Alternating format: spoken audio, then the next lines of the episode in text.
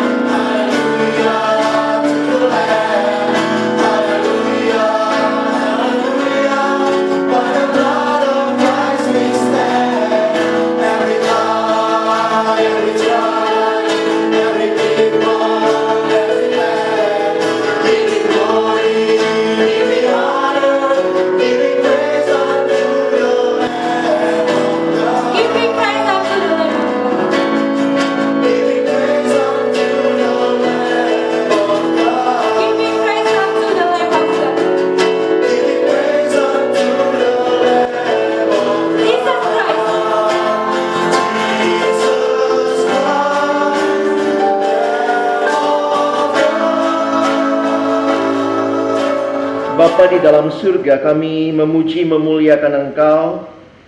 Sungguh karena Engkaulah Tuhan yang layak menerima segala puji, hormat dan sembah kami. Tidak ada satupun yang layak menerima segalanya. Engkaulah Allah yang berkuasa, Allah yang memegang seluruh isi bumi ini. Dan dalam kuasamu itulah kami bersyukur Tuhan berkenan menyelamatkan kami. Terima kasih sekali lagi Tuhan, kesempatan ini menjadi kesempatan kami bersyukur untuk pesta rohani yang Tuhan berikan kepada kami. Sama-sama kami akan belajar memahami apa yang menjadi kehendakmu, mempersiapkan diri kami masuk di dalam satu masa yang baru dalam pendidikan kami. Kami berdoa Tuhan yang menolong Kiranya melalui camp pengutusan ini kami diarahkan mengerti kehendak Tuhan dan pada akhirnya menyerahkan diri kami terus dipimpin oleh Tuhan di tengah-tengah bangsa ini. Kami mau hadir jadi saksi-saksi Kristus. Kami menyerahkan kesempatan kami akan membuka firman-Mu. Kami mohon bukalah juga hati kami. Jadikanlah hati kami seperti tanah yang baik. Supaya ketika benih firman Tuhan ditaburkan boleh sungguh-sungguh berakar, bertumbuh, dan juga berbuah nyata di dalam hidup kami. Berkati hambamu yang menyampaikan, setiap kami yang mendengarkan, tolonglah kami semua agar kami bukan hanya jadi pendengar-pendengar firman yang setia, tapi mampukan kami dengan kuat kuasa pertolongan di rohmu yang kudus.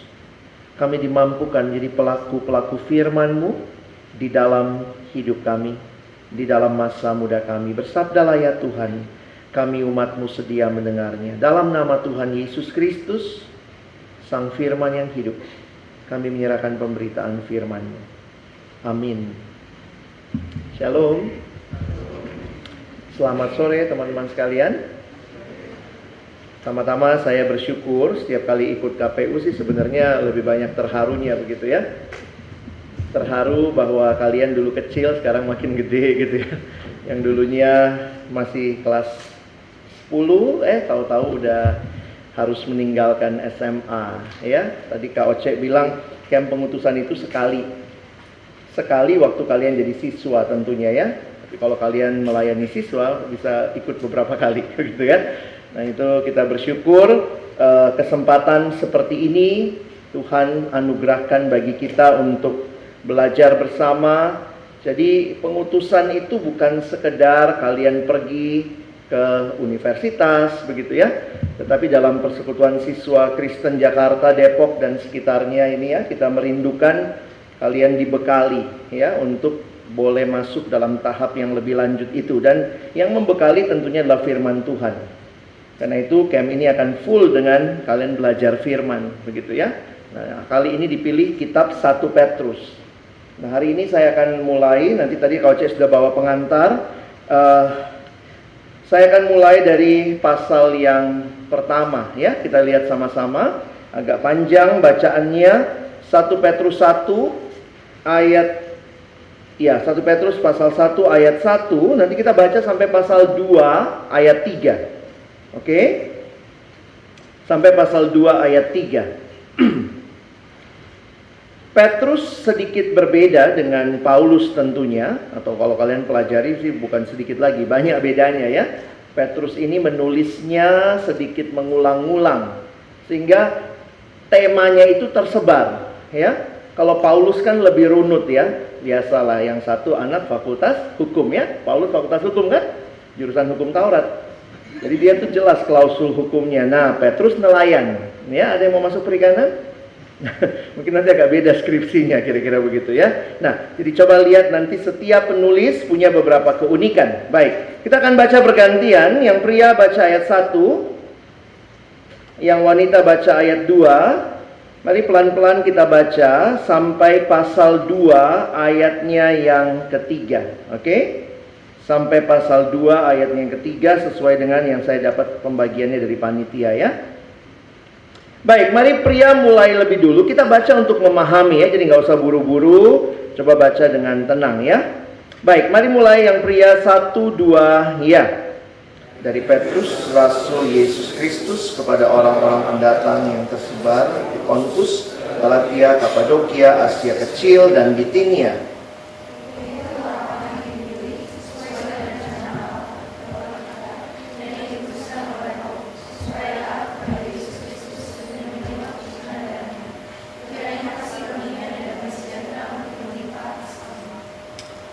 Terpujilah Allah dan Bapa Tuhan kita Yesus Kristus yang telah melahirkan kita kembali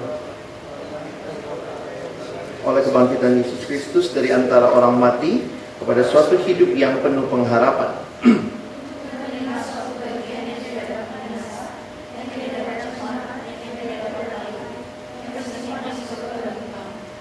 yaitu kamu yang dipelihara dalam kekuatan Allah karena imanmu sementara kamu menantikan keselamatan yang telah tersedia untuk dinyatakan pada zaman akhir.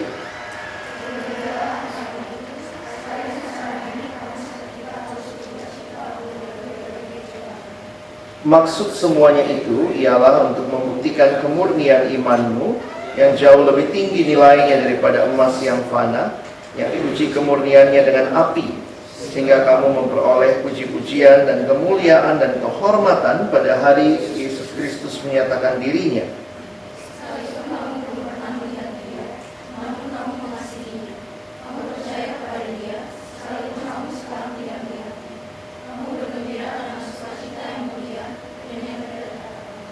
Karena kamu telah mencapai tujuan imanmu, yaitu keselamatan jiwamu.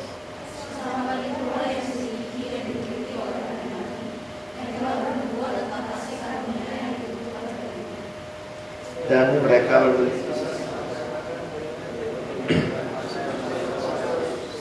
yang ada di dalam mereka yaitu roh yang sebelumnya memberi kesaksian tentang segala penderitaan yang akan menimpa Kristus dan tentang segala kemuliaan yang menyusul sesudah itu.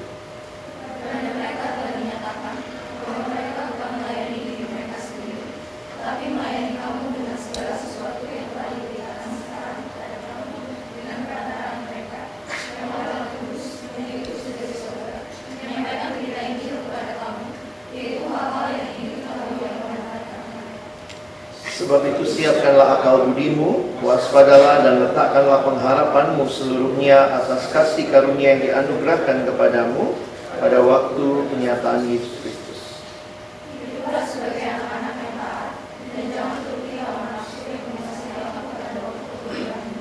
Tetapi hendaklah kamu menjadi kudus di dalam seluruh hidupmu, sama seperti Dia yang kudus yang telah memanggil kamu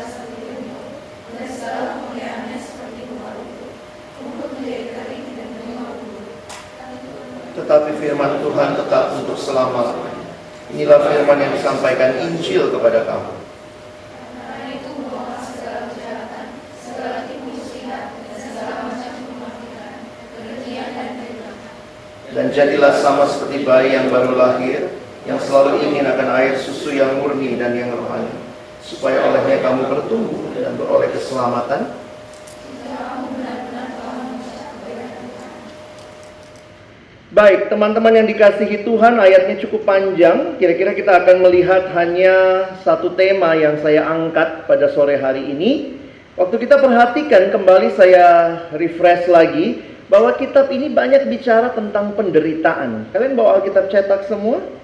Oke, coba lihat ya. Coba lihat di pasal 2 misalnya.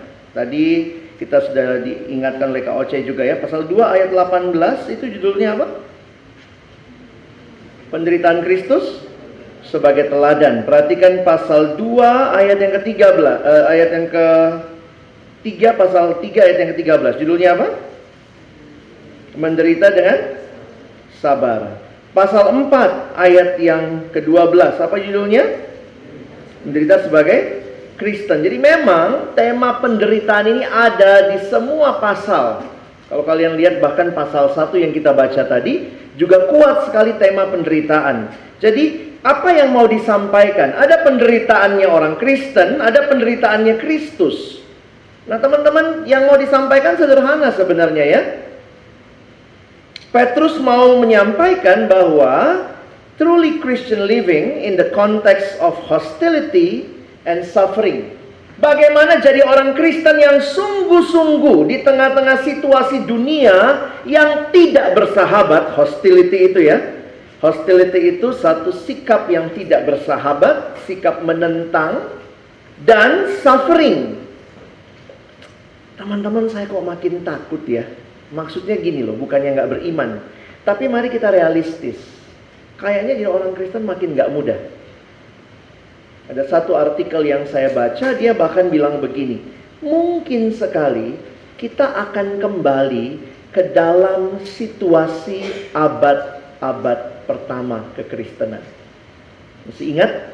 Kekristenan pada masa itu bukan agama mayoritas Musuhnya penjajah Roma memusuhi karena apa? Tidak mau menyembah kaisar sebagai dewa. Ditambah lagi yang namanya orang Yahudi merasa Kristen itu sempalan.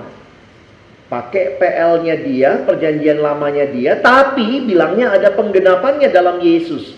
Jadi, waktu itu abad pertama situasi yang sulit ini Wah ini penulis itu waktu saya baca kemarin saya sampai diam sebentar gitu ya. Mungkin sekali akan terulang lagi di generasi-generasi kita. Memang dia menulisnya dari konteks Eropa dan Amerika. Khususnya Eropa yang sudah memasuki sekarang katanya masa yang disebut post-Christian era. Jadi dulunya sangat Kristen, sekarang sudah post-Christian. Jadi dia mau menunjukkan kepada kita, nah ini konteks yang dia mau sampaikan, mungkin kita seperti satu Petrus ini penting kita hayati lagi. Ya. Teman-teman, kamu dan saya waktu mungkin lihat kemajuan Indonesia begitu luar biasa, tapi pada saat yang sama saya pikir makin tidak mudah ya jadi orang Kristen. Kalau kalian lihat uh, situasi yang terjadi, saya pikir ini juga sangat mengerikan dan menyedihkan. Tadi sebelum berangkat ke sini di grup staff kita dapat itu ya, ketua BEM ya. Ketua BEM fakultas apa tuh di UI? Vokasi ya, fakultasnya Kak Oce ya. Vokasi UI ketua BEM-nya mualaf tadi siang. Betul ya? Di sholat Jumat dia mualaf, dia pindah ke Muslim. Nah teman-teman, saya merasa kok apa orang malu ya jadi orang Kristen ya makin malu begitu tidak ada bangganya atau mungkin juga karena orang Kristen nggak beda sama orang lain hidupnya bilang orang Kristen nyontek nyontek juga Kristen pornografi pornografi juga nggak kelihatan bedanya jadi memang jadi pertanyaan penting kalau kita sungguh-sungguh percaya if you are truly Christian maka mungkin kita akan alami penderitaan Bahkan ada kalimat sebaliknya, kalau justru kamu nggak alami penderitaan, jangan-jangan kamu bukan Kristen sungguh-sungguh. Kamu sedang main-main sama dosa. Berarti you are not truly Christian. Saya mau kita siap, apa pun situasinya ke depan. Saya pikir kitab Petrus ini tidak kebetulan ada di dalam Alkitab kita. Dan perhatikan cara pandang Kristen ya. Ini Christian worldview. Di tengah dunia yang tidak suka dengan kekristenan, di tengah penderitaan yang kita alami, tapi Petrus berkata, kita justru melihat penderitaan itu sebagai sarana Tuhan memurnikan iman kita. Jadi harusnya justru makin beriman, teman-teman ya. Bagaimana caranya melawan dunia yang makin tidak percaya? Kita mesti makin percaya. Nangkep maksudnya? Kalau di sana makin nggak percaya, di sini mesti makin percaya supaya bisa ngelawan sana. Kalau kita melawan dunia yang tidak kudus, kita mesti hidup kudus. Itu cara melawannya. Itu cara kita stand firm. Dan nanti banyak nasihat ya. Kalau kalian nanti baca, kita PA, kita lihat sampai nanti habis. Nah, tetapi ada satu hal yang mengawali yang saya lihat juga jadi tema yang penting di dalam satu Petrus bahwa Petrus mengingatkan orang Kristen apa yang kita peroleh di dalam Kristus. Nah, ini memang nanti besok ditegaskan lagi atau nanti di bahan PA kalian lihat soal identitas ya. Tapi saya melihat ini identitas penting banget. Alex suka bilang begitu ya, kalau nonton sinetron Indonesia tuh paling males ya. Nanti tiba-tiba mau dipanjang-panjangin terus jatuh, hilang ingatan ya. Ya aku siapa? Aku siapa gitu ya. itu kan paling gila gitu ya. Saya mikir ya kalau kita bawa kartu identitas, nah itu jadi tahu ya. Aku siapa? Ini kau lihat namamu di situ. Aku hilang ingatan. Iya, hilang ingatanmu hilang, tapi kartunya ada. Dan di mana rumahnya? Nih, alamat rumahnya. Saudara, kalau kita tahu identitas kita, kita hidupi identitas kita, itu akan menjadi satu landasan yang teguh di tengah-tengah dunia yang tidak mengenal Allah. Nah, karena itu secara khusus hari ini saya ingin mengajak kita fokus bicara tentang keselamatan, salvation, saya akan mengajak kita melihat dari ayat yang panjang ini, tentu nggak bisa kita bahas satu-satu. Abang udah coba, tolong teman-teman, adik-adikku, nanti kalian bisa lihat slide-nya bisa diambil nanti. Tapi kita akan melihat tiga hal tentang keselamatan. Dan sambil kita belajar ya, kita baca firman, kita pelajari, tanyakan sama dirimu. Kamu hayati nggak keselamatanmu? Kalau kamu menghayati keselamatanmu, saya pikir ini dasar yang paling jelas, paling tegas, paling kokoh ketika engkau dan saya akan masuk ke tengah dunia yang mungkin tadi digambarkan KOC makin banyak freedomnya. Bukan berarti kalian sekarang nggak di dunia real ya. Kalau mau rusak sih dari SMA juga bisa rusak. Cuma kayaknya kesempatan rusaknya lebih gede di mahasiswa. Sampai jadi alumni lebih gede lagi kesempatannya. Kalau mahasiswa kadang-kadang mau mau rusak terlalu rusak pun susah, uangnya nggak punya ya.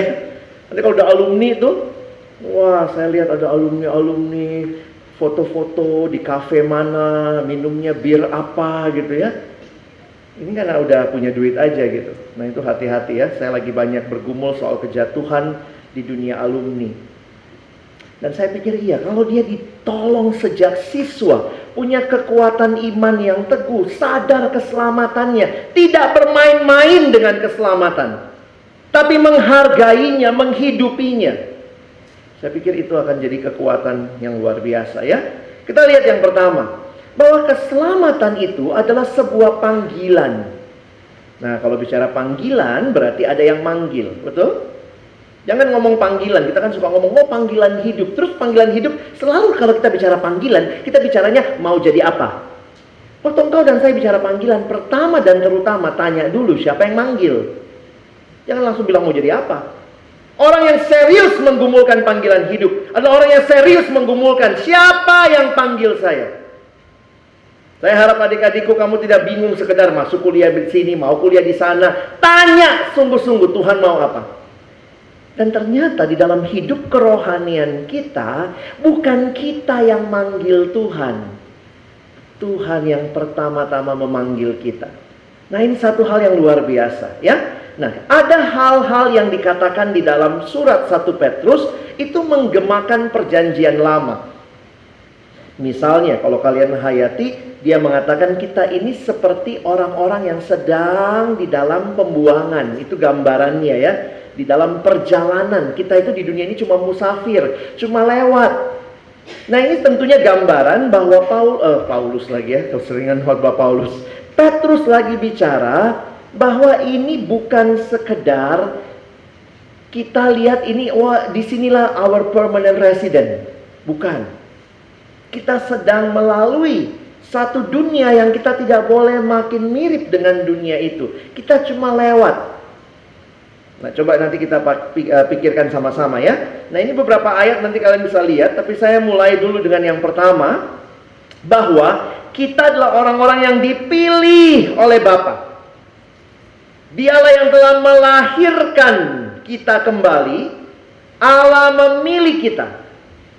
Inisiatifnya ada dari Tuhan. Bayangkan kalau kau jadi orang yang terima surat Petrus, Lalu di tengah-tengah penderitaan, kesulitan, terus Petrus bilang, Hei, ingat loh, ingat keselamatan kita, ingat kamu dipilih oleh Allah. Ya, coba lihat orang-orang yang dipilih. Teman-teman ingat ini identitas mendasar ya. Kamu bukan sekedar siswa yang ketepatan Kristen tapi sebenarnya logikanya kamu adalah Kristen yang ketepatan jadi siswa. Saya nggak terlalu suka pakai kata kebetulan ya. Kebetulan itu kayak coincidence banget. Tapi ketepatan berarti memang ada rencana di dalamnya. Kamu dan saya basicnya adalah orang yang dipanggil oleh Allah. Kita orang Kristen yang dipanggil oleh Allah ketepatan jadi mahasiswa nanti. Ketepatan jadi sekarang jadi siswa, nanti jadi mahasiswa, nanti jadi alumni. Jadi jangan dibalik. Saya siswa yang pura-pura pakai jubah Kristen. Jubah kita yang paling dasar atau esensi yang paling dasar kita adalah orang Kristen. Jadi jangan lupa hidupilah identitas itu. Allah panggil kita. Kenapa Tuhan panggil kita? Mudah-mudahan di malam kita belajar di PA lebih jauh lagi ya. Tapi ini adalah satu hal yang luar biasa. Allah berinisiatif.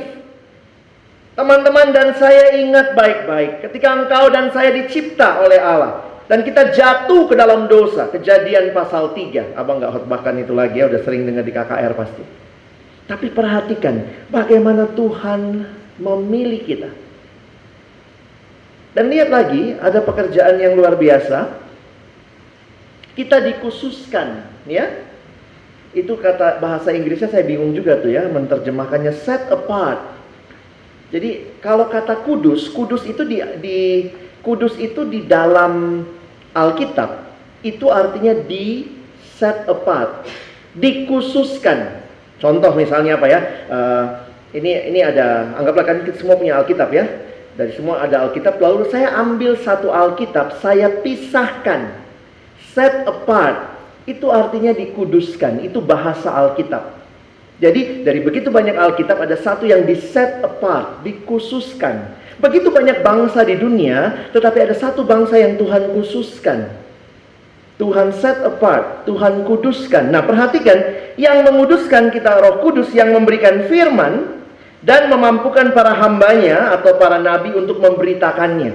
Jadi perhatikan, bagaimana sampai saudara dan saya bisa percaya itu adalah karena Roh Kudus yang mengkhususkan kita, memberikan kepada fir, memberikan kepada kita firman yang disampaikan oleh para nabi.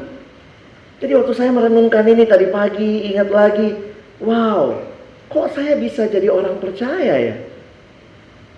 Coba ingat-ingat nanti di pause and pondering kita akan ingat ya. Kapan kalian pertama kali kenal Yesus? Sungguh-sungguh ngerti dialah Tuhan dan Juru Selamatmu. Siapa yang memperkenalkan kamu kepada Tuhan? Mungkin pemimpin kelompok kecilmu? Mungkin waktu dengar staf wilayahmu khotbah?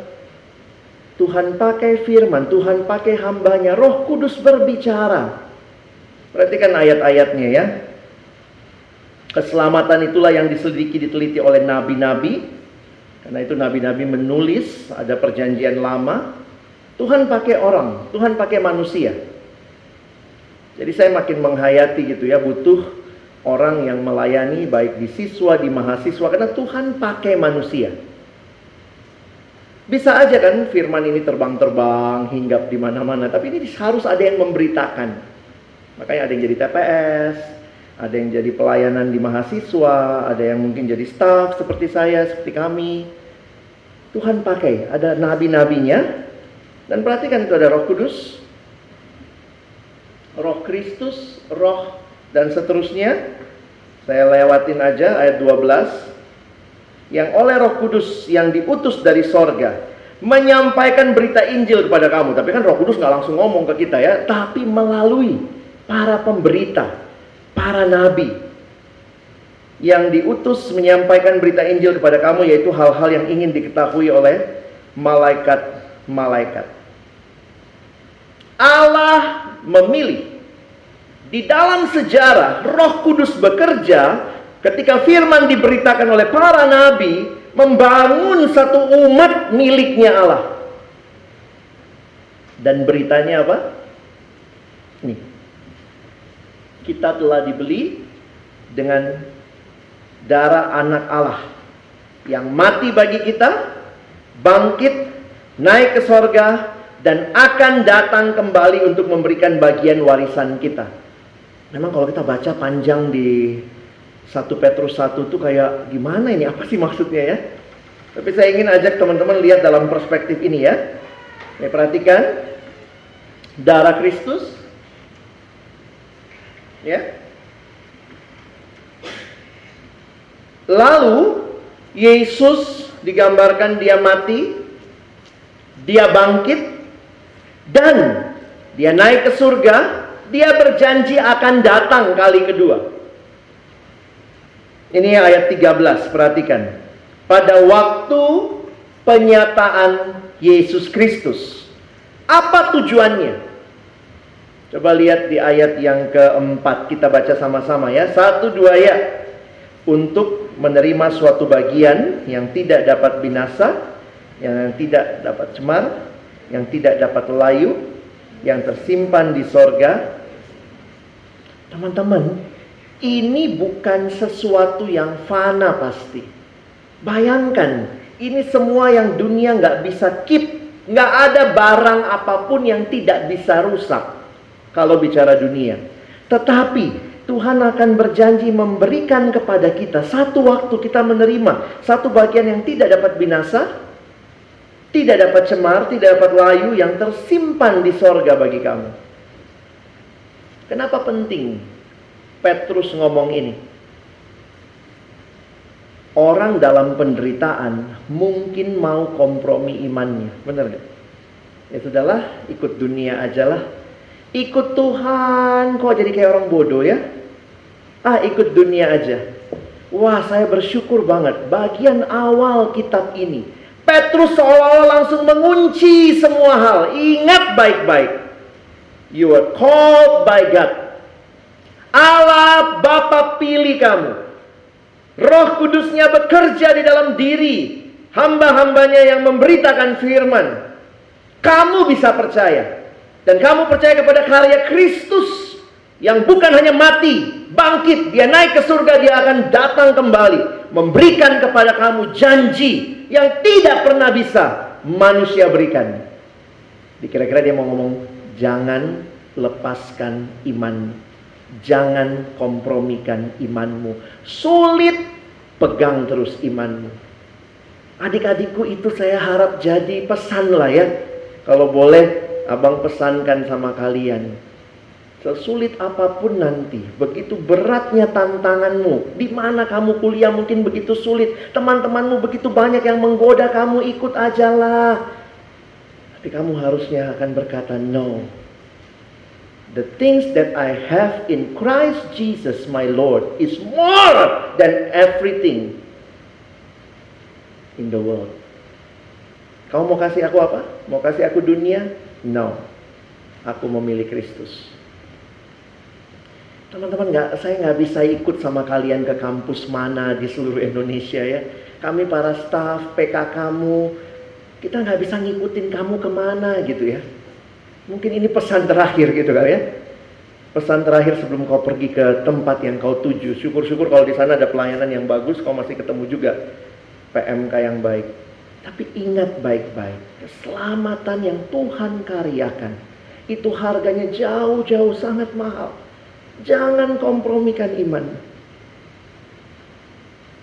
Dan kalau kalian perhatikan, ini terjadi dengan indah sekali kalau kita rangkai keselamatan kita adalah karyanya Allah Tritunggal. Ada Bapa, ada Anak, ada Roh Kudus. Itu sebabnya tidak heran Petrus mengawali suratnya dengan nyanyian pujian kepada Allah. Kata pertama di dalam ayat 3, terpujilah. Itu adalah pujian kalau dalam bahasa e, Ibraninya itu satu pujian. Maksudnya itu kebiasaannya orang untuk menulis surat dan kalau kalian lihat juga itu muncul di surat-suratnya Rasul Paulus juga. Aku memuji Tuhan. Kenapa? Ya kayak lagu yang kita suka nyanyi ya. Terpujilah Allah, hikmatnya besar, begitu kasihnya untuk dunia cemar, sehingga diberilah putranya kudus mengangkat manusia serta menebus refrennya pujilah pujilah buatlah dunia bergemar bergemar. Saya tidak tahu kesulitan apa yang terjadi di depan mungkinkah kamu tahu-tahu tergoda sama Siti Hadijah yang cantiknya luar biasa. Sekarang sih oh enggak, aku cari yang Kristen bang. Eh nanti begitu denger, ih bang dia deketin, itu ceweknya pakai jilbab lagi gitu ya. Kadang-kadang saya pikir, wah ingat langsung. Tidak akan sebanding dengan indahnya yang Tuhan janjikan kepada saya. Diajak teman, ditawarin, ya teman-teman, ya abang kan pernah kuliah juga ya. saya dulu kuliah di UI, Fakultas Ilmu Sosial Ilmu Politik, jurusan Ilmu Komunikasi. Wah, waktu masuk kampus saya juga bukan anak yang ini banget ya. Saya PMDK dari daerah dan PMDK itu di kampus UI itu zaman saya itu nomornya beda sama yang masuk jalur tes. Jadi anak-anak begitu lihat nomornya belakangnya ada tujuh anak PMDK. Anak PMDK itu eh, penelusuran minat dan kemampuan waktu itu ya, kayak model undangan sekarang. Kami itu dicap pinter, walaupun goblok langsung pinter. Jadi begitu anak-anak itu, wih anak PMDK. Teman-teman saya jadi ketua angkatan komunikasi UI 92. saya sebut lagi angkatannya. Tit. Kalian udah lahir? Papa mama udah married? Belum. Bapak mau belum merit, saya udah kuliah. nah, waktu itu jadi waktu masuk tuh, teman-teman saya udah dilayani di siswa, tapi saya juga kayak gimana ya, saya anak daerah datang ke Jakarta takut nggak punya teman. Takut juga nggak punya teman nanti rasanya kayak gimana gitu. Jadi waktu bergumul itu, awal-awalnya beberapa hal jadi kompromi. Komprominya apa? Salah satunya waktu itu saya ingat uh, titip absen. Kak Oce ngingetin titip absen sih tadi. Kayaknya generasi mereka udah nggak bisa titip absen kali ini. Masih? UI masih ya? Kalau binus nggak bisa pakai fingerprint. Ya? Mungkin saya harap sih di generasimu scan mata kalau perlu. Ya nggak bisa titip mata ya titip mata ya nggak bisa kan? Eh gue pinjam mata lo dong. Jadi waktu itu titip absen makanya bener yang Kak Oce bilang ya uh, itu kalau titip absen tuh kan kita titip ke temen gitu ya. Nah kalau orang nggak masuk, titipnya ke mana? Ke ketua angkatan. Saya ketua angkatan, orang titip absen, Lex, tolong ya. Jadi mahasiswa begitu masuk kampus, itu salah satu yang dilakukan di zaman saya adalah bikin tanda tangan semudah mungkin, biar bisa nitip. Kami kuliahnya kuliah umum teman-teman. 400 orang, tuh dosen mana mau absen? Bener kan? Pernah sih akhirnya ada satu dosen gila, diabsenin. Karena dia ngelihat absen penuh, kursi cuma separuh. Saya ingat banget. Itu dosen yang saya puji Tuhan. Akhirnya dia panggil satu-satu. Semua pindah ke kanan. Pindahlah semua orang ke kanan. Yang saya panggil pindah ke kiri. Wah, Alex, saya pindah gitu ya. Ini nggak ada, coret gitu ya. Oh, tapi itu kan take time ya dan nggak mungkin tiap minggu dia begitu kan. Ini teman-teman saya pokoknya begitu masuk kampus tanda tangan yang paling mudah ada teman saya tanda tangannya cuma T, set, set. Biar agak susah dia taruh titik dua. saya ingat banget, saya dari dari disiapin juga dalam ya kami nggak ada KPU zaman saya ya, cuma saya dikasih tahu sama senior, pokoknya kamu jangan titip absen. Oh gitu ya. Gimana caranya? Bikin tanda tangan kamu sesulit mungkin, supaya nggak ada juga yang mau dititipin ya. Karena tantangan sulit. Jadi itu cara saya untuk saya nggak titip absen. Saya bikin tanda tangan ya, tanda tangan saya sampai sekarang begitu ya sesulit itu. Tapi kemudian teman-teman tuh, Lex, ketua angkatan, semua datang ya. Nah saya itu komunikasi cowok, kami cuma 44 orang zaman itu ya. Karena masih favorit lah zaman dulu ya komunikasi, 44 orang, 11 cowok, 33 cewek. Ya, jadi satu cowok, tiga cewek jatahnya gitu ya. Jadi itu kalau semua, Lex titip absen ya. Uh, akhirnya saya itu karena nggak enak, anak saya anak daerah, takut kehilangan temen, lebih belain temen. Tapi saya tahu nggak boleh, tapi gimana nggak boleh gimana? Ya udah sini, Biasa anak-anak udah sobek-sobek kertas. Ini tanda tanganku ya, sobek ya. Kan mau, mau, mau ngapain? Gue mau ke kantin, males masuk. Aduh, saya mesti masuk karena semua titipnya sama saya. Saya dulu punya sekretaris. Saya kasih nih ya, lo yang absenin deh dosanya pindah. Aduh, sampai akhirnya saya sadar, wah itu nggak benar tuh. Jadi saya cukup waktu itu agak bergumul tuh saya sudah mulai ikut persekutuan, saya mulai ikut kelompok kecil di kampus, saya sudah dibina di siswa. Cuma waktu itu saya bergumul, ada kompromi-kompromi tertentu yang mungkin karena baru masuk lingkungan baru, takut kehilangan teman. Tapi jadi dari situ saya akhirnya punya komitmen. No, saya akhirnya nggak mau begitu lagi. Sampai akhirnya saya jadi anak yang ya bulan-bulanan juga ya. Karena dianggap tidak setia kawan. Waktu mereka bilang, Lu sih kenapa nggak mau nggak setia kawan? Nah, puji Tuhan teman-teman. Kalau kita punya kualitas, ini ini penghayatan saya. Waktu saya baca kitab 1 Petrus, saya garis bawahi yang Kak Oce bilang tadi.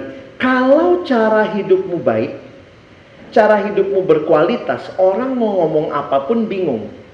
Jadi waktu itu orang cuma kesel sama saya karena waktu saya sudah mulai bilang, gua nggak mau dititipin absen lagi ya, kan ketua kelas ya. Jadi ngomong, kalau masuk masuk, kalau enggak enggak. Terus saya pakai referensi. Ingat nggak bapak itu yang kita disuruh pindah satu-satu? Nggak ada lagi titip absen. Cewek-cewek biasa kalau manja-manja, Alex, Alex gitu ya. Enggak. Tapi kemudian saya jadi dibenci juga waktu itu. Tapi dibenci ya cuma sementara teman-teman. Kenapa? Karena saya saya selalu masuk catatan saya yang paling lengkap. Nggak mungkin dia nggak minjem. Begitu menjelang ujian tengah semester tuh cuma semua tiba-tiba jadi baik. Alex, ya uh, pinjam dong catatan sampai datang ke kosan saya. Tuh teman-teman saya di kosan kan, kosan saya banyak cowok ya. Kalau ada cewek datang kayak haus cewek keluar semua teman cowok saya gitu ya. Kenapa tuh? Karena beberapa teman saya artis zaman itu ya. Zaman itu, saya nggak tahu zaman sekarang udah tua ya, seumur saya. Jadi beberapa kali akhirnya karena kita punya kualitas, orang akan nyari kita. Mungkin dia akan celah kita. Itu udah harga yang harus kita bayar, teman-teman. Saya ingat banget waktu itu satu teman ngomong, lu sok banget sih. Saya bilang, ini bukannya sok. Tolong Lex. Enggak, ini bukan masalah tolong. Kalau saya tolong, saya kasih kamu catatan, itu cara saya nolong kamu yang nggak masuk. Tapi kamu nggak masuk, jangan ditimpain sama saya dong. Jadi akhirnya bisa bisa juga menjelaskan, puji Tuhan saya punya teman baik dulu, Teman baik saya beda iman dengan kita. Uniknya teman saya ini uh, dia sering nginep di kosan saya. Saya dulu kos ya, kan anak daerah ya. Ini abang cerita sedikit ya pengalaman hidup. Jadi waktu di kos, dia sering nginep. Padahal rumahnya di pasar minggu. Kita kuliah di Depok. ya, deket banget tapi dia suka nginep karena di rumahnya berisik. Adiknya masih kecil kembar lagi ya. Dan itu kalau berisik kalau berantem katanya. Jadi dia kalau mau ujian pasti nginep di kosan saya. Nah waktu dia nginep pertama-tama saya saya agak malu menyatakan saya Kristen. Saya ingat banget tuh kalau dia udah datang ke kosan meja saya bersihin. Alkitab buku satu saya masukin lemari semua jadi maksudnya ya saya nggak mau kelihatan ada Kristen-Kristennya lah sama dia. Ya udahlah, saya dianggap Kristen biasa aja waktu itu. Eh tiba-tiba waktu dia nginep dia bilang begini. Jadi uh, saya saat teduh kalau dia lagi nginep di kosan saya. Kalau dia mandi saya buru-buru saat teduh di kamar saya cepetan saat teduh. Kalau udah berhenti air di kamar mandi, berarti selesai saat teduh, saya balik masukin lagi ke lemari. Sampai satu waktu dia bilang gini, Lex, gue sholat ya. Terus mau bilang apa? Ya silahkan dong, nggak apa-apa ya. ya. Ya ya silahkan sholat. Dia nanya kiblat mana Lex? Uh, sana biasanya. Ya. Pas dia sholat di kamar saya, saya di uniknya itu ya di tempat tidurnya saya tiduran. dia sholat kayak nyembah saya dia gitu ya kayak waktu itu kayak bener kayak lagi nyembah saya karena arah arah kiblatnya itu ke tempat tidur saya dan setelah itu waktu dia lagi sholat saya tiba-tiba kebayang saya mau ibadah sama Tuhan saya di kamar saya mesti ngumpet-ngumpet kalau dia lagi mandi dia sholat depan gua nyembah-nyembah gua gitu ya Eh teman-teman sejak hari itu saya keluarin tuh buku saat kamar-kamar gua kok gitu ya. Saya taruh lah Alkitab buku saat teduh sampai teman saya waktu saya taruh begitu ya, eh apaan nih? Oh ini Alkitab ya. Dia pegang-pegang dia. Gue lihat ya Lex ya. Ih, kok ada perjanjian baru, perjanjian lama? Jadi saya jelasin gitu ya sama dia. Terus ada buku renungan. Ini apaan? Oh ini buku renungannya. Terus kenapa nih? Oh jadi lu ngapain? Eh, tiap hari kan ada tanggalnya tuh Andre, namanya Andre jadi baca Alkitabnya, ini ayatnya, ini renungannya. Jadi saya kayak jelasin lokakarya satedu sama dia. Dan waktu saya jelasin begitu sama dia, saya ingat banget kalimatnya. Dia langsung bilang, gila lu ya, lu pendeta ya. Dan sejak hari itu, dia mempendetakan saya. Sampai hari ini. Sampai hari ini dia kalau manggil saya, Pak Pendeta. Tadi pagi uh, mereka reunian di Kemang gitu. Lex bisa ikut nggak minum kopi di Kemang gitu ya teman-teman. Karena kan ini 11 orang akrab ya. Waduh sorry saya nggak bisa gitu. Teman-teman saya jadi sadar. Kalau kita bicara iman kita. Saya ingat satu kalimat dari seorang senior. Lebih baik kamu ketahuan orang Kristen yang sungguh-sungguh sejak awal. Supaya orang juga tidak ajak-ajak kamu yang aneh-aneh. Jangan ikut-ikutan pura-pura dari awal. Aduh, gue nggak Kristen banget ah. Tapi nanti, aduh, kalau temen ngajak begini, ngajak begini. Dan waktu sejak itu, Andre itu sampai waktu itu dia seperti jadi juru bicara saya. Jadi saya ingat banget waktu saya bilang saya nggak mau titip absen, si Andre Udah, jangan nitip sama Alex lah, nggak bakal mau dia, pendeta dia. Puji Tuhan dalam hati saya ya. Tuhan berkarya. Awalnya dicibir-cibir, tapi lama-lama dicari. Eh, pinjam catatan sama Pak Pendeta aja. Sampai akhirnya saya nggak mau ngasih contekan. Dulu karena saya anak PMDK, mereka selalu gitu, Lex, kalau mau ujian, saya ditaruh di tengah. Itu PMP namanya, posisi menentukan prestasi. Saya ingat banget, kalau ujian itu saya ditaruh di tengah. Saya udah bingung, waktu udah mulai ikut kelompok kecil lagi diingetin nggak boleh nyontek. Saya bilang, saya nggak nyontek bang. Saya ngasih contekan, maksud saya, saya mau bilang saya baik bang, gitu ya. Saya nggak nyontek, tapi teman-teman saya kasihan, gitu ya. Tapi terus abang kelompok saya enggak, nggak boleh nyontek, oh gitu ya. Tapi gimana, sudah biasa PMP. Akhirnya yang terjadi apa teman-teman? Setiap kali ujian saya datang telat. Tapi kan jadi terkenal Alex tukang telat. Nggak kesaksian juga ya, karena nggak berani ngomong. Sampai akhirnya saya berani ngomong juga. Tapi saya ngomongnya sama siapa? Saya ngomongnya sama Andre. Andre, waktu dia belajar di kosan, Andre, saya nggak mau nyontek dan ngasih contekan. Kalau lu mau belajar sama gua, lu datang kayak gini kan gua ajarin. Jadi sorry ya, gua kayaknya besok nggak bisa duduk sebelah lu lagi. Dia ngerti. Dan besokannya, waktu kami ujian, anak-anak bilang, eh lah sini guys. Si Andre yang ngomong, udah dia nggak mau tuh, gitu. Dia nggak bakal tuh. Jadi saya pikir teman-teman, mungkin awalnya orang mencibir, Bahkan mungkin juga ada yang sampai kapan pun ada dasar lu sok. Tapi ini satu hal yang saya pikir kita perlu bangun hidup yang berkualitas supaya orang tetap mungkin akan membutuhkan kita karena apa? Karena kualitas yang kita miliki. Di luar kuliah, ah, di luar ujian saya akan bantu kamu semaksimal saya. Catatan saya saya kasih. Beberapa teman malah saya yang fotokopiin catatan. Catatan saya itu di tempat fotokopi jadi master. Ini yang sudah, kuliah ngerti kali ya. Jadi itu catatan saya tuh dan pernah saya dipanggil sama dosen. Kenapa? Ada yang nyontek pakai catatan saya. Dicari, siapa punya catatan ini? Saya lah maju. Kenapa kamu catatannya? Loh, Bapak, bukan saya nyontek, dia nyontek begitu ya. Tapi gara-gara catatan. Dan saya berpikir kalau kita hayati iman kita, ingat, ada harga yang harus dibayar. Keselamatan bukan cuma saya percaya Yesus, tapi hidupnya nggak beres. No. Mari berjuang hidup benar. Keselamatan itu karya Allah ya. dan karya Allah yang sangat berharga. Saya harap kita tidak bermain-main dengan hal itu. Yang kedua, Petrus banyak pakai gambaran ya. Nah, gambaran yang muncul yang kedua adalah kelahiran. Ini muncul nanti kalian lihat tadi ada di ayat yang ketiga. Nanti di ayat yang ke-23 muncul lagi. Telah melahirkan kita kembali. Saya pikir ini sama dengan bagaimana caranya Yesus menjelaskan kepada Nikodemus tentang kelahiran baru. Jadi kalau teman-teman perhatikan, yang telah melahirkan kita kembali, apa itu gambaran kelahiran?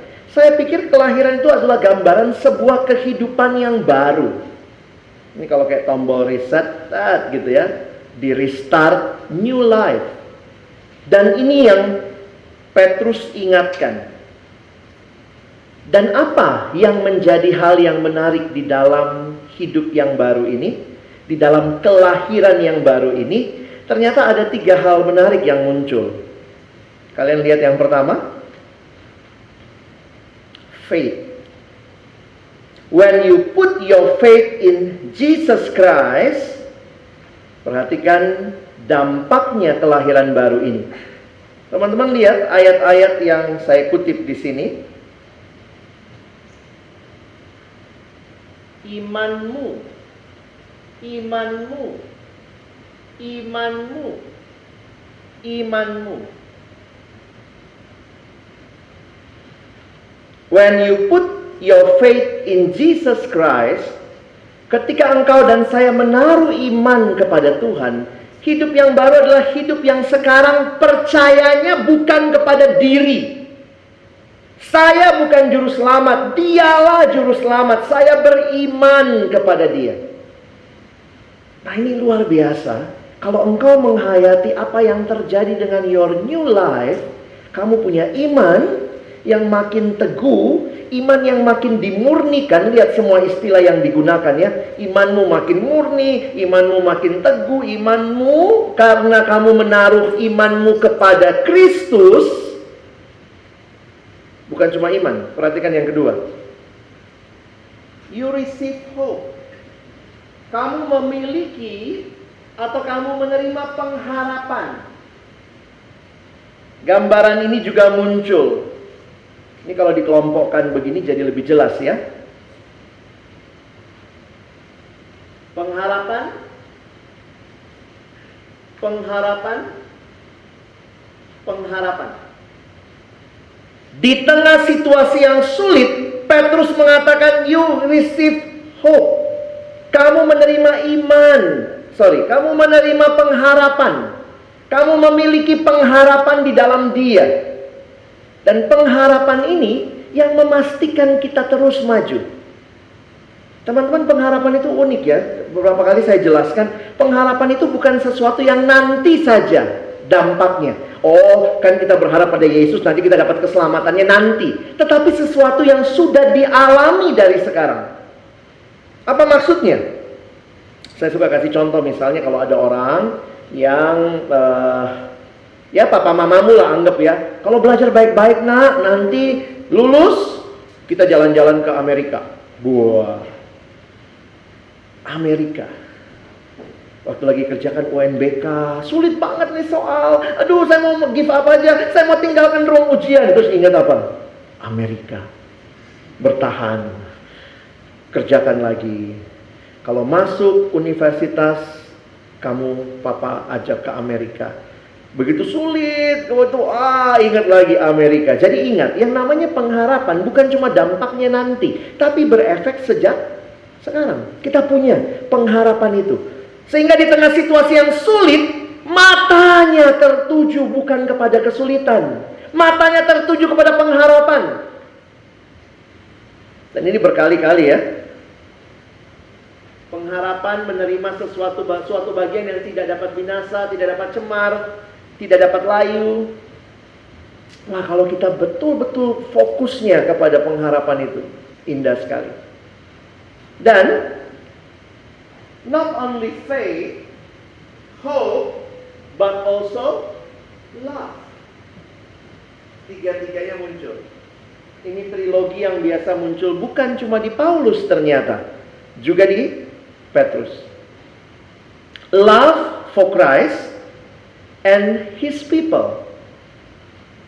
Begitu kita lahir baru, kita dibaharui, maka muncul kasih yang kepada Allah. Saya mau makin mengasihi dia, dan saya juga mau mengasihi umat Allah.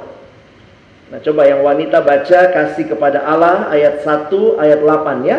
Pasal 1 ayat 8. Wanita baca. 1 2 ya.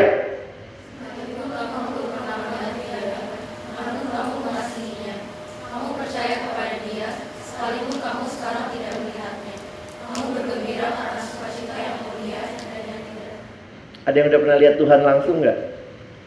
Kalau dia angkat tangan saya yang lari. Siapa lu? Ngeri banget ya. Tapi walaupun kita belum melihat dia muka dengan muka dalam iman kita percaya, tapi kita mengasihinya. Makanya Paulus uh, berkali-kali mengatakan tentang kasih ini nanti saya kutip satu ayat. Yohanes juga bicara soal kasih. Bukan kita yang terlebih dahulu mengasihi Allah, Allah yang terlebih dahulu mengasihi kita. Nah, perhatikan, kasih kepada Allah dan coba yang pria baca ya, kasih kepada sesama. Satu dua ya. Karena kamu telah mensucikan dirimu oleh ketaatan pada kebenaran, sehingga kamu dapat mengamalkan kasih persaudaraan yang tulus ikhlas. Hendaklah kamu bersungguh-sungguh saling mengasihi dengan segenap hatimu. Teman-temanku, saya ingin ingatkan kita lagi. Kita hidup dalam dunia yang tidak punya tiga hal ini. Dengar kalimat kalian. Kita hidup dalam dunia yang tidak punya tiga hal ini. Dunia tidak punya iman, tidak jelas siapa atau apa yang dipercaya. Dunia tidak punya pengharapan. Dunia tidak punya kasih. Tapi ingat, orang Kristen yang sudah mengalami hidup yang dilahirkan baru dari Allah punya tiga-tiganya. Kadang saya mikir gitu ya, kenapa ya Tuhan titip tiga hal ini sama kita? Pernah pikir begitu? Kenapa Tuhan titip tiga hal yang dunia tidak miliki? Tuhan titip sama kita. Itu supaya engkau dan saya bersaksi seperti tema kita. Negeri ini Besok pagi kalian dengar dari teman saya ya, Mas Oka akan cerita banyak soal negeri ini. Kesimpulan saya sederhana. Negeri yang tanpa iman, tanpa pengharapan, tanpa kasih. Tapi saya waktu menghayati, memikirkan Tuhan, sebelumnya kita juga begitu. Kalau engkau belum kenal Tuhan, sama persis kondisimu. Tanpa iman, tanpa pengharapan, tanpa kasih. Begitu kita kenal Tuhan. Bersyukur melalui roh kris di sekolahmu kau kenal Tuhan, kau bertumbuh. Maka yang bertumbuh adalah imanmu, kamu makin teguh berpegang pada Tuhan. Kamu makin punya pengharapan bahwa dunia ini bukan segalanya. Kadang-kadang saya mikir ada siswa yang kayaknya sedih banget gitu. Kalau UNBK nggak lulus bunuh diri, goblok. Life is not UNBK. Bukan selesai di ujian nasional. Hidup nggak selesai di kamu masuk kampus.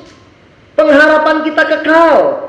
Tetapi semua yang kita ini sedang jalani. Menantikan pengharapan yang kekal itu yang tidak dapat binasa tadi. Ini tahapan-tahapan hidup yang harus dilalui. Jadi kamu tahu ceritanya kayak Kak Oce bilang tadi. This is not about you. This is the mission of God. Kamu dihadirkan dalam dunia di mana kita punya pengharapan bukan selesai di dunia ini. Giving the best Tuhan minta. Tapi jangan berpikir kita selesai di dunia ini. Tuhan akan memberikan dunia yang ditransformasi yang baru. Dan kita punya kasih. Dulunya mah boro-boro. Kasih kita untuk diri sendiri. Itu mah egois namanya ya. Saya kutip nih Paulus ya. Paulus jelas sekali kalau bicara kasih. 2 Korintus 5 teman-teman lihat. 2 Korintus 5 ayat 14. Jadi ayatnya ini nyambung. Kalau nanti kalian baca di Alkitab, saya akan kutip dua ayat, 14 dan 15. Nah, Abang jelasin satu-satu ya. Sebab kasih Kristus menguasai kami. Bahasa Inggrisnya menarik. Your God's love compels. Itu menguasai kami. Karena kami telah mengerti bahwa jika satu orang sudah mati untuk semua orang, maka mereka semua sudah mati. Gambaran kematian, karya Kristus yang menyatakan kasih Allah. Makanya kalian pernah lihat slide saya ini kali ya. Saya sering kutip Bapak Billy Graham, almarhum. Dia mengatakan, Allah membuktikan kasihnya pada kayu salib.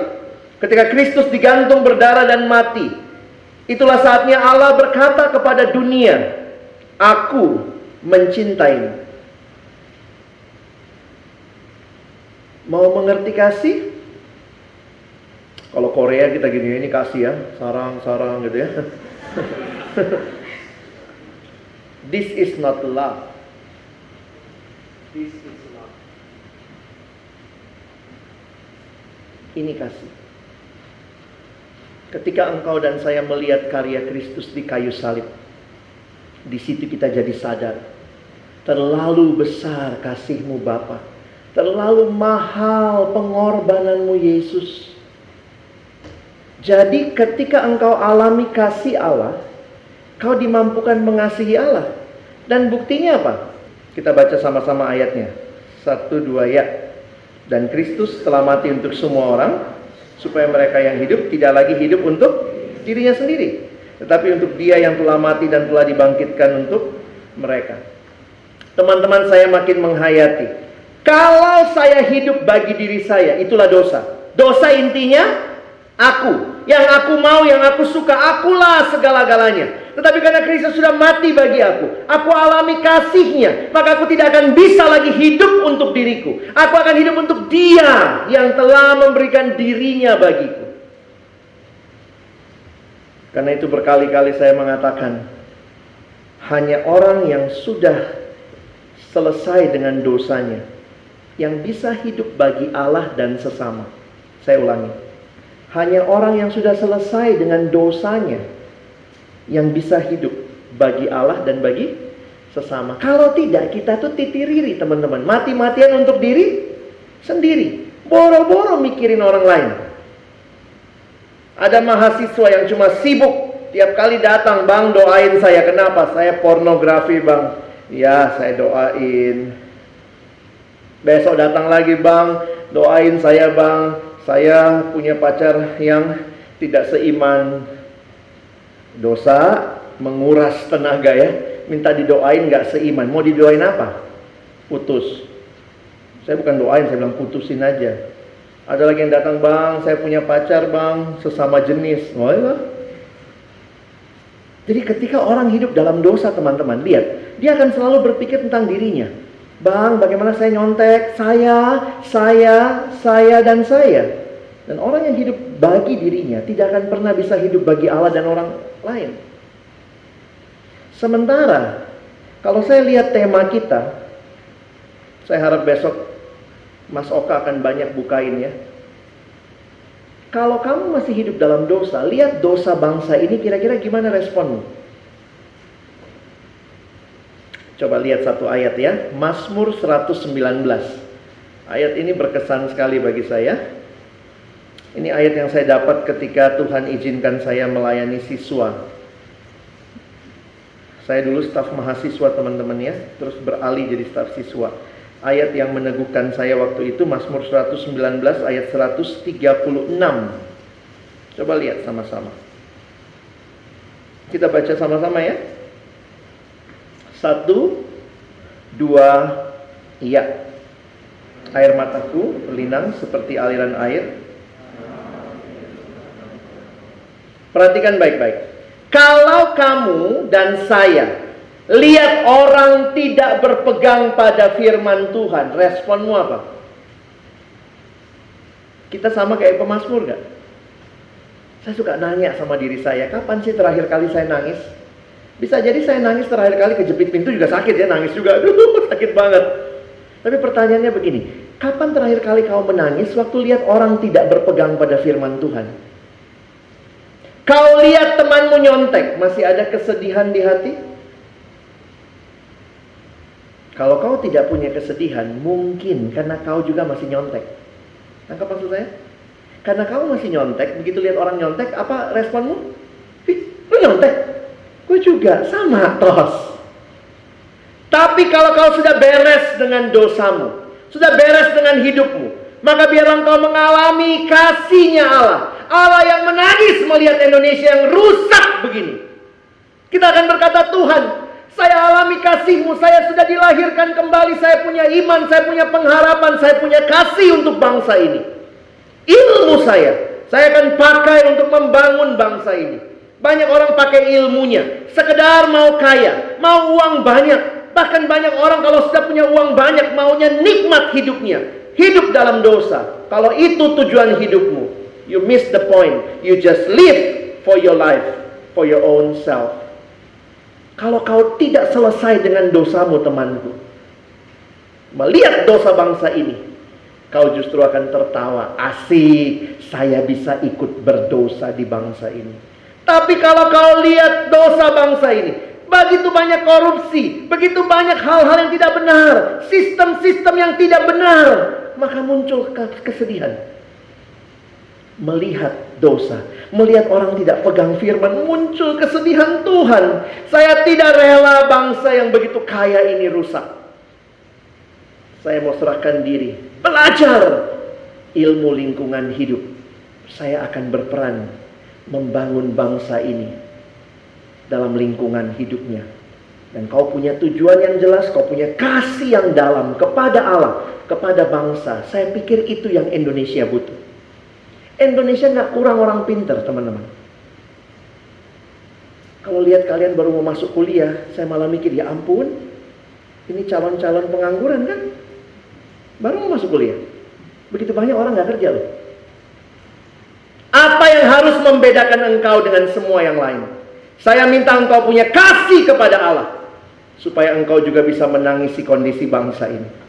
Lihat Indonesia bobrok yang muncul kepedihan. Air mataku berlinang seperti aliran air. Indonesia tidak kekurangan orang pintar. Kita kurang orang pintar yang hatinya diserahkan kepada Allah. Terlalu banyak orang pintar yang hatinya buat dirinya sendiri. Mati-matian buat diri. Makanya kemarin waktu Kak Alex dapat kesempatan khotbah di Kejaksaan Agung hari Senin. Mereka tuh setiap Senin ibadah Kejaksaan Agung ya. Saya teriak juga di sana. Bicara revolusi mental yang bangsa ini rindukan. Sebenarnya kita orang Kristen punya modalnya. Karena Tuhan sudah mati buat kita. Supaya kita tidak lagi hidup untuk diri kita sendiri. Saya bilang, kalau Bapak Ibu masih hidup untuk diri sendiri. Bobrok bangsa ini. Nggak ada kebangkitan revolusi mental. Tapi kalau Bapak Ibu, karena kemarin kami bahas pasca ya. Tapi kalau Bapak Ibu alami kebangkitan Kristus, kebangkitan Kristus membuat engkau, lihat ayat ini baik-baik. Tidak lagi hidup untuk diri, tapi hidup untuk dia dan tentunya untuk sesama. Maka saudara akan pakai hidupmu, ilmumu untuk membangun bangsa ini. Dengar kalimat saya sekali lagi. Hanya orang yang sudah selesai dengan dosanya yang akan dipakai Tuhan membangun bangsa ini. Karena hatinya akan terus menangis melihat orang yang belum berpegang pada firman Tuhan. Saya tidak mau kalian masuk ke dunia mahasiswa. Kalian masih jadi siswa-siswa yang mungkin aktif, tapi ternyata engkau masih terlibat di dalam dosa-dosa yang membuat engkau makin dalam, makin jatuh. Saya rindu engkau masuk dalam dunia mahasiswa. Sebagai orang-orang yang benar-benar cinta Tuhan. Alami kasihnya Tuhan. Sehingga boleh berkata, saya tidak mau lagi hidup dalam dosa. Saya mau hidup bagi Allah. Ada mahasiswa bilang, benar ya bang. Habis waktu saya untuk diri saya. Kenapa? Apa yang kau lakukan? Saya setiap hari Korea. Drama Korea. Habis waktu buat diri saya. Jadi boro-boro mikirin pelajaran, mikirin orang lain, mikirin pelayanan. Habis diri saya bang, bangun pagi, ngecek HP, download porno. Siang dikit di kampus, wifi kencang, download porno. Semua habis buat diri saya. Orang main di luar, saya masuk kamar, saya nonton film porno, saya masturbasi, saya nikmati. Habis diri saya untuk diri saya. Waktunya untuk dirinya. Dan tidak punya waktu memikirkan bangsa ini, memikirkan kemiskinan, memikirkan bidang ilmunya. Makanya sekali lagi kalau kau tidak beres dengan dosamu, kau akan tidak siap masuk menjadi berkat bagi bangsa ini. Tapi Tuhan bilang apa? Waktu engkau lahir baru, Yesus Tuhan dan Juru Selamat di hatimu. Ada pembaharuan dalam iman, pengharapan, dan kasih. Ayat terakhir ini yang lebih sering kita dengar sebenarnya ya. Tapi ini yang perlu kita hayati sekali lagi. Keselamatan adalah redemption. Kita baca ayatnya ya. Yuk sama-sama. Satu, dua, ya. Sebab kamu tahu bahwa kamu telah ditebus dari cara hidupmu yang sia-sia. Yang kamu warisi dari nenek moyangmu itu bukan dengan barang yang fana. Bukan pula dengan perak atau emas. Melainkan dengan darah yang mahal, yaitu darah Kristus. Yang sama seperti darah anak domba yang tak bernoda dan tak bercacat. Perhatikan sekali lagi Petrus mengambil gambaran perjanjian lama. Anak domba Paskah yang darahnya tercurah. Dan dia ingatkan, seolah-olah Petrus bilang, "Hei, orang-orang di Asia kecil, Tuhan sudah memanggil kamu. Tuhan sudah memberikan kelahiran yang baru kepadamu dan Tuhan juga sudah menebus kamu. Kamu bukan milikmu lagi. Darahnya yang mahal tercurah. Perhatikan di bagian lain, Paulus melengkapinya begini. Kita baca ya, satu, dua, ya. Sebab kamu telah dibeli dan harganya telah lunas. Karena itu muliakanlah Allah. Baca bagian atasnya, ini nasihat soal percabulan. Jemaat Korintus yang hidup dalam percabulan, dosa-dosa seksual, tiba-tiba Paulus ingatkan, Hei, hargamu telah lunas dibayar. Muliakan Allah dengan tubuhmu. Jangan nanya lagi, saya udah ditebus Tuhan bang. Kepada siapa saya harus mengabdi? Ya kepada Tuhan lah. Jangan nanya lagi. Ini saya kasih gambar begini karena terakhir saya khotbah di sekolah minggu. Saya pakai ayat ini. Jadi bagaimana adik-adik mata kita? Hati-hati gunakan matamu. Bling bling. Udah ditebus sama Tuhan matamu. Tuhan mau kamu lihat apa? Hati-hati gunakan tanganmu. Mulutmu, kakimu, seluruh tubuhmu. Tuhan bayar lunas. Dan bukan hanya sampai di situ, ya. Tiga ayat di awal ayat 2, pasal 2, tiga ayat di awal pasal 2 mendorong kita ber, bertumbuh. Dan ini semua terjadi. Buanglah kejahatan, tipu muslihat, segala macam kemunafikan, kedengkian, fitnah. Dia pakai lagi istilah jadilah sama seperti bayi yang baru lahir. Kayak Tuhan bilang gini, kamu restart ya. Start from beginning ya. Mulai dari nol ya Pak. Ya, isi bensin banget ya. Mulai dari nol ya. Kalau kamu mau masuk ke jenjang yang baru ini, mari mulai lagi. Baharui iman. Seperti bayi yang selalu ingin air susu yang murni dan yang rohani. Supaya olehnya kamu bertumbuh, beroleh keselamatan jika kamu benar-benar telah mengecap kebaikan Tuhan. Adik-adikku saya simpulkan. Salvation is a calling, is a birth, and is a redemption. Untuk apa? Bagi siapa keselamatan ini? Coba lihat beberapa slide terakhir ya. Kalau kalian jeli membaca, ternyata menarik sekali. Ada banyak apa itu istilahnya ya? Possessive pronoun. Kata ganti kepunyaan yang dipakai. Kalian lihat ya. Semua ini Petrus lagi mau memberikan itu menjadi milik dari orang Asia kecil. Semua orang bisa ngomong, Yesus mati. Semua orang bisa ngomong, Yesus bangkit. Tetapi hanya kita yang mengalami kebangkitannya, kematiannya bisa ngomong Yesus mati bagiku. Yesus bangkit bagiku. Perhatikan cara cara Petrus menulis. Bukan cuma sekedar. Dia bilang luar biasa keselamatan yang adalah Allah memanggil. Luar biasa keselamatan adalah kelahiran baru. Luar biasa keselamatan adalah penebusan. Tapi dia katakan ini buat siapa? And all of this was for you. Perhatikan ayat-ayatnya. 4, 10, 12, 13, 20, 25. Bagi kamu. Bagimu. melayani kamu, kepada kamu, kepada kamu, kepadamu, karena kamu. Saya cek NIV-nya, for your sake. Kalau Indonesia kesannya karena kamu itu akibatnya gitu ya. Enggak, ini for your sake. Kepada kamu.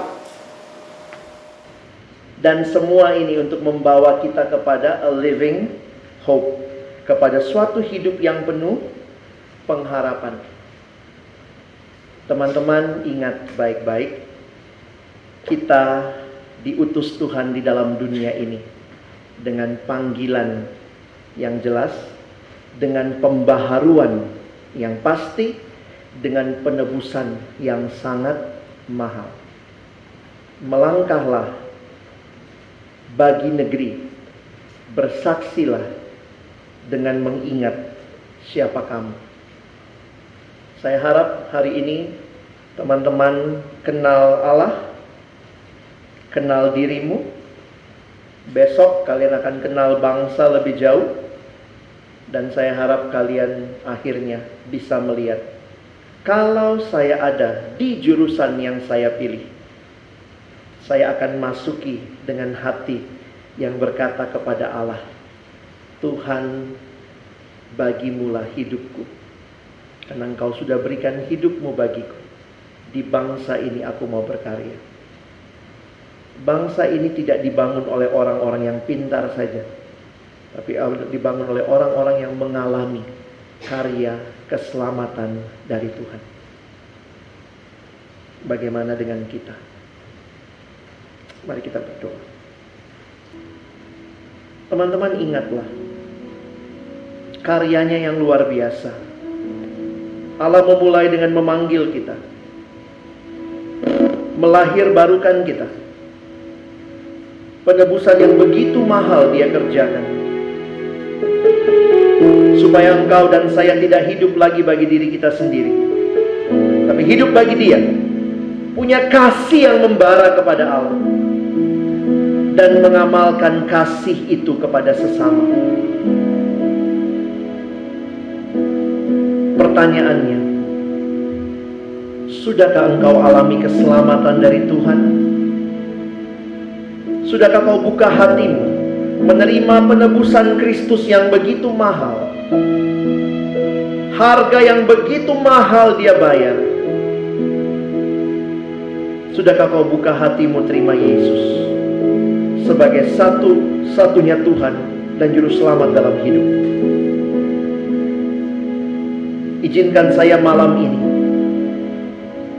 Ketika semua tunduk kepala Tidak usah lihat kiri kanan Kalau ada di antara adik-adikku yang belum pernah sungguh-sungguh buka hatimu Untuk menerima Yesus sebagai satu-satunya Tuhan dan Juru Selamat. Dan malam ini kau berkata Tuhan di sini saya.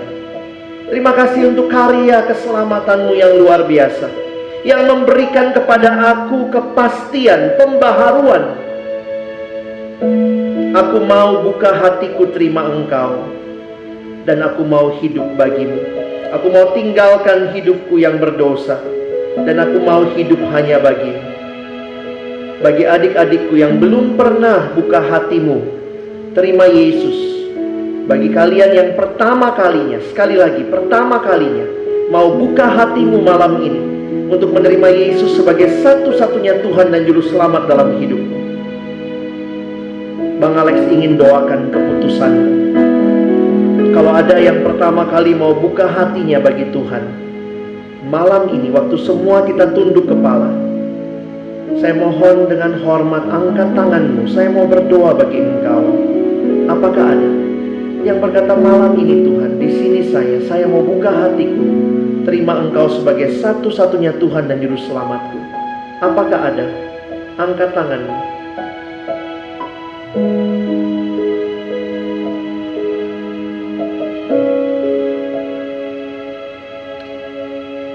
Pertanyaan saya yang kedua. Jika engkau sudah pernah terima Yesus, maka yang kau butuhkan adalah pembaharuan. Bagi adik-adikku yang sudah pernah buka hati terima Yesus, malam ini izinkan saya bertanya, maukah engkau dibaharui sekali lagi? Jika mungkin setelah engkau terima Yesus seiring berjalannya waktu, ada saat-saat kau jatuh lagi dalam hidupmu yang lama, dosa-dosamu yang kau simpan, kau nikmati, dan kau tahu Tuhan tidak berkenan. Dan hari ini setelah dengar firman Tuhan, kau berkata, "Tuhan, di sini saya. Saya akan melangkah masuk dalam satu jenjang tahapan hidup. Tapi saya tidak mau masuk dengan hidup yang belum dibaharui. Malam ini Tuhan baharui saya sekali lagi." Jika mungkin ada dosa-dosa yang kau berkata, "Tuhan, saya mau tinggalkan." Saya tidak mau lebih lama hidup di dalam dosa-dosa itu. Malam ini saya mau juga doakan kamu. Bagi adik-adikku yang sudah pernah terima Yesus, jika engkau mau dibaharui, malam ini angkat tanganmu. Saya mau berdoa bagi engkau. Puji Tuhan. Puji Tuhan. Puji Tuhan. Puji Tuhan. Puji Tuhan. Tangan diturunkan. Malam ini di hadapan Tuhan. Sebagaimana firman yang berulang-ulang kita dengar, Jika engkau tidak bereskan hidupmu, dosamu, kau tidak pernah siap hidup bagi Allah dan hidup bagi sesama. Kau akan hidup mati-matian untuk dirimu, bagi kesenanganmu, bagi dosamu. Dan malam ini, jika engkau berkata, saya mau dibebaskan, saya mau dimerdekakan, selama ini saya menikmati dosa yang begitu dalam, Tuhan aku mau dibaharui dan dibebaskan. Jika ada adik-adikku yang punya pergumulan secara khusus dengan dosa-dosa tertentu, yang mungkin kau sulit cerita, tidak ada orang yang bisa mengerti, tetapi kau tahu bahwa Tuhan tahu apa yang menjadi isi hatimu yang terdalam. Dan malam hari ini kau berkata, Tuhan, saya mau dipakai bagi kerajaanmu. Saya mau dipakai bagi bangsa ini. Maka malam ini saya berdoa, lepaskan saya dari belenggu ini. Jika ada adik-adikku yang mau didoakan dalam hal pergumulan dengan dosa-dosa yang spesifik, mungkin itu pornografi yang berkepanjangan, mungkin kau hidup di dalam kebohongan, kau hidup di dalam pencitraan, mungkin bagi engkau yang selama ini hidup di dalam kemunafikan, engkau yang hidup dengan sakit hati, kau yang hidup dengan kesulitan mengampuni, kau yang hidup dengan begitu jealous, iri hati, dengki, sulit mengampuni. Kau yang mungkin juga sudah mencoba-coba kehidupan malam. Kehidupan yang tidak kudus, tidak berkenan kepada Tuhan. Dan hari ini kau berkata, Tuhan, saya mau bereskan itu, saya mau tinggalkan itu, saya mau dibebaskan. Jika ada adik-adikku yang mau didoakan secara khusus dalam hal-hal ini, saya mohon angkat tangan, saya mau berdoa bagi engkau juga. Puji Tuhan, puji Tuhan, puji Tuhan, puji Tuhan. Saya tidak kenal kamu satu persatu, tapi Tuhan tahu. Tuhan kenal pergumulan. Tangan diturunkan. Mari semua kita berdiri. Kita taruh tangan kanan kita di dada kita. Dan kita nyanyikan refrain lagu ini. Dengan lembut kita katakan, ku telah mati dan tinggalkan. Ku telah mati dan tinggalkan cara hidup yang lama, cara hidup yang lama semuanya sia-sia, sia-sia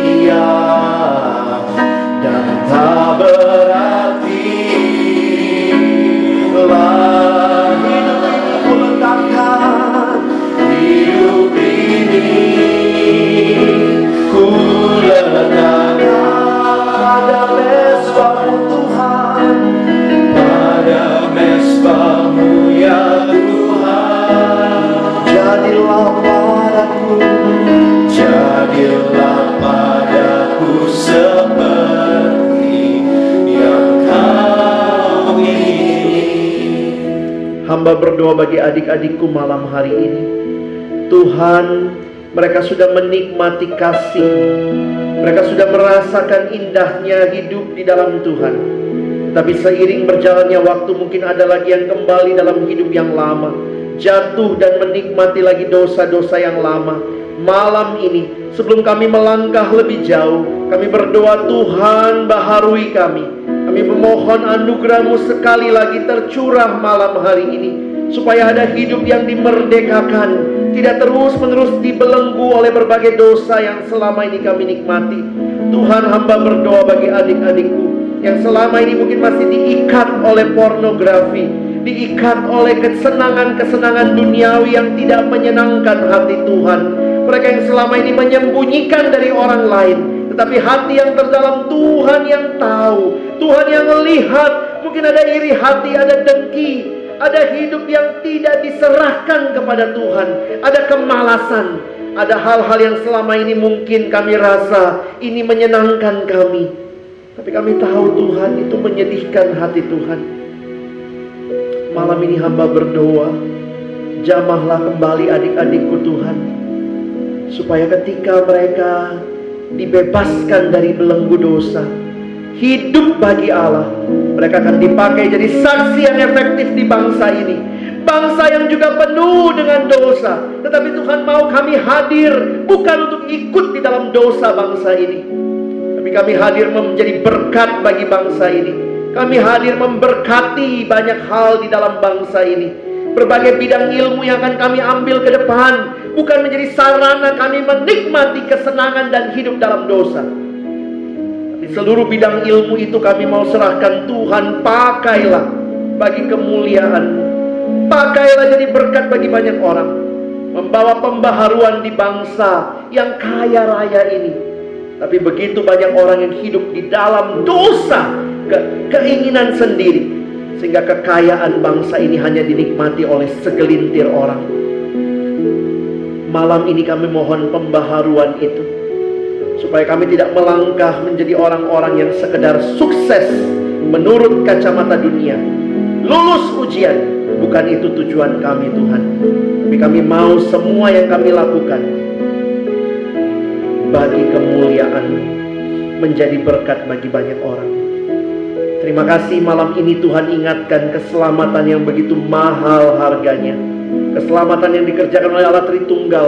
Keselamatan yang menghasilkan hidup yang beriman, hidup yang berpengharapan dan hidup yang menyatakan kasih. Dan keselamatan yang di dalamnya kami ingat harga yang terlalu mahal kau bayar bagi kami Tuhan. Tidak mau hidup asal-asalan. Kami tidak mau hidup sembarangan. Kami tidak mau hidup kuliah mempermalukan nama Tuhan. Kami tidak mau hidup pergaulan yang tidak membawa kemuliaan bagi namamu. Malam ini kami minta Tuhan peganglah tangan kami. Tuntunlah kami berjalan. Supaya kami tidak mempermalukan Tuhan. Tapi sungguh-sungguh mempermuliakan Tuhan. Terima kasih Tuhan Yesus.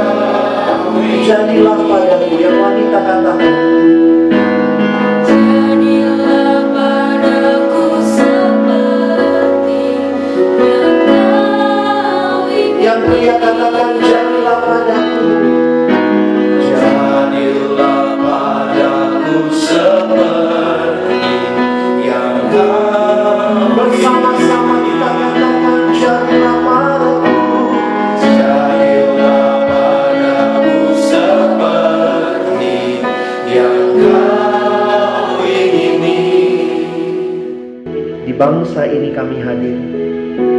Pakai kami, umat yang kau selamatkan, jadi saksi yang memuliakan namamu. Dalam nama Yesus yang mengasihi kami, yang sudah menebus kami, membayar lunas harga yang mahal, kami menyerahkan diri kami. Amin.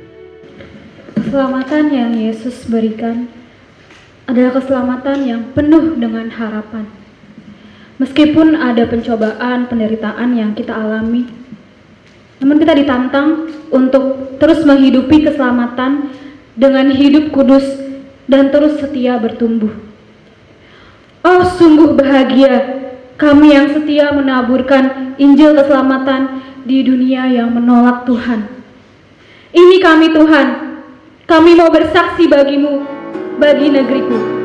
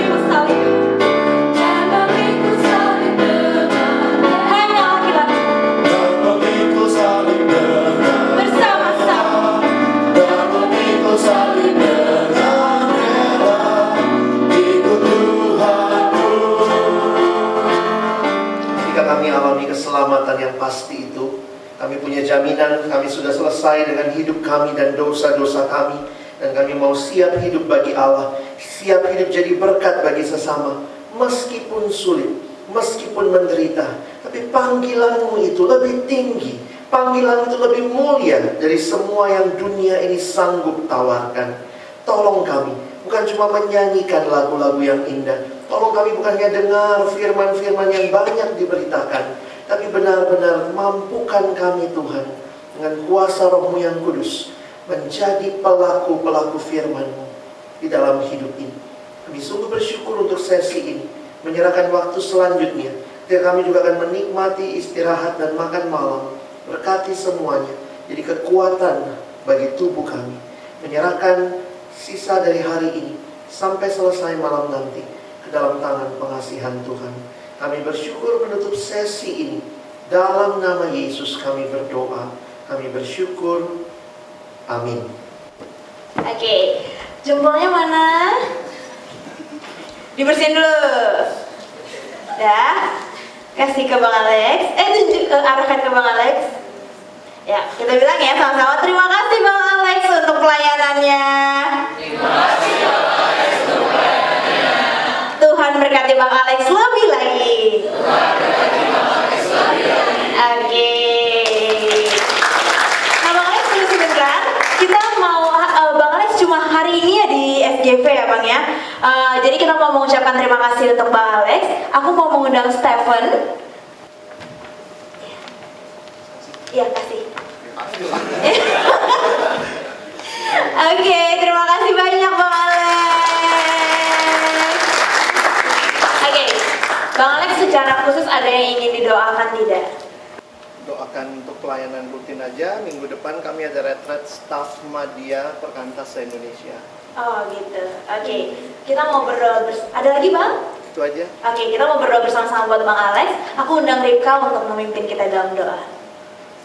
Ya Tuhan, sungguh kami mengucap syukur ya Tuhan Kau boleh kembali lagi datang kepada kami ya Tuhan Melalui sesi secara khusus hari ini. Kami sungguh terberkati ya Tuhan Kami sungguh melihat Tuhan boleh bers- bersuara, berbicara pada setiap kami. Secara khusus ya Tuhan melalui hambamu Bang Alex ya Tuhan. Kami mm, mengucap syukur Tuhan boleh terus pakai dia Sampai pada hari ini. Kami boleh menikmati hadiratmu ya Tuhan melalui hamba-Mu Bang Alex ya Tuhan kiranya Tuhan yang boleh menyertai Bang Alex. Secara khusus juga dalam pelayanan rutinnya ya Tuhan sebagai pembicara, sebagai saluran berkat-Mu kiranya Engkau yang terus pakai Bang Alex menjadi saksimu ya Tuhan. Secara khusus untuk siswa, mahasiswa maupun alumni ya Tuhan di Perkantas ya Tuhan. Kami mohon juga Tuhan boleh sertai dalam kehidupan keluarganya bersama dengan uh, istri dan Tuhan yang boleh terus uh, pakai Bang Alex juga. Ya Tuhan menjadi berkat di tengah lingkungan keluarga dan di mana pun Tuhan boleh tempatkan Bang Alex. Secara khusus juga berdoa ya Tuhan untuk retret staff yang akan dilaksanakan. Di waktu yang akan datang Tuhan kiranya boleh menyertai agar kiranya uh, Bang Alex boleh menikmati Engkau juga Tuhan dalam waktu persiapan-persiapan yang dilalui. Dan akhirnya Tuhan Kau boleh semakin perluas lagi ya Tuhan kapasitas Bang Alex dan Bang Alex kiranya boleh menjadi berkat di mana pun Tuhan tempatkan dia. Kami bersyukur kepadamu ya Tuhan untuk Bang Alex dan kami mau menyerahkan Bang Alex ke dalam tangan pengasihan Tuhan saja. Di dalam nama Tuhan Yesus Kristus kami berdoa. Amin. KPU 18 Padamu negeri kami bersaksi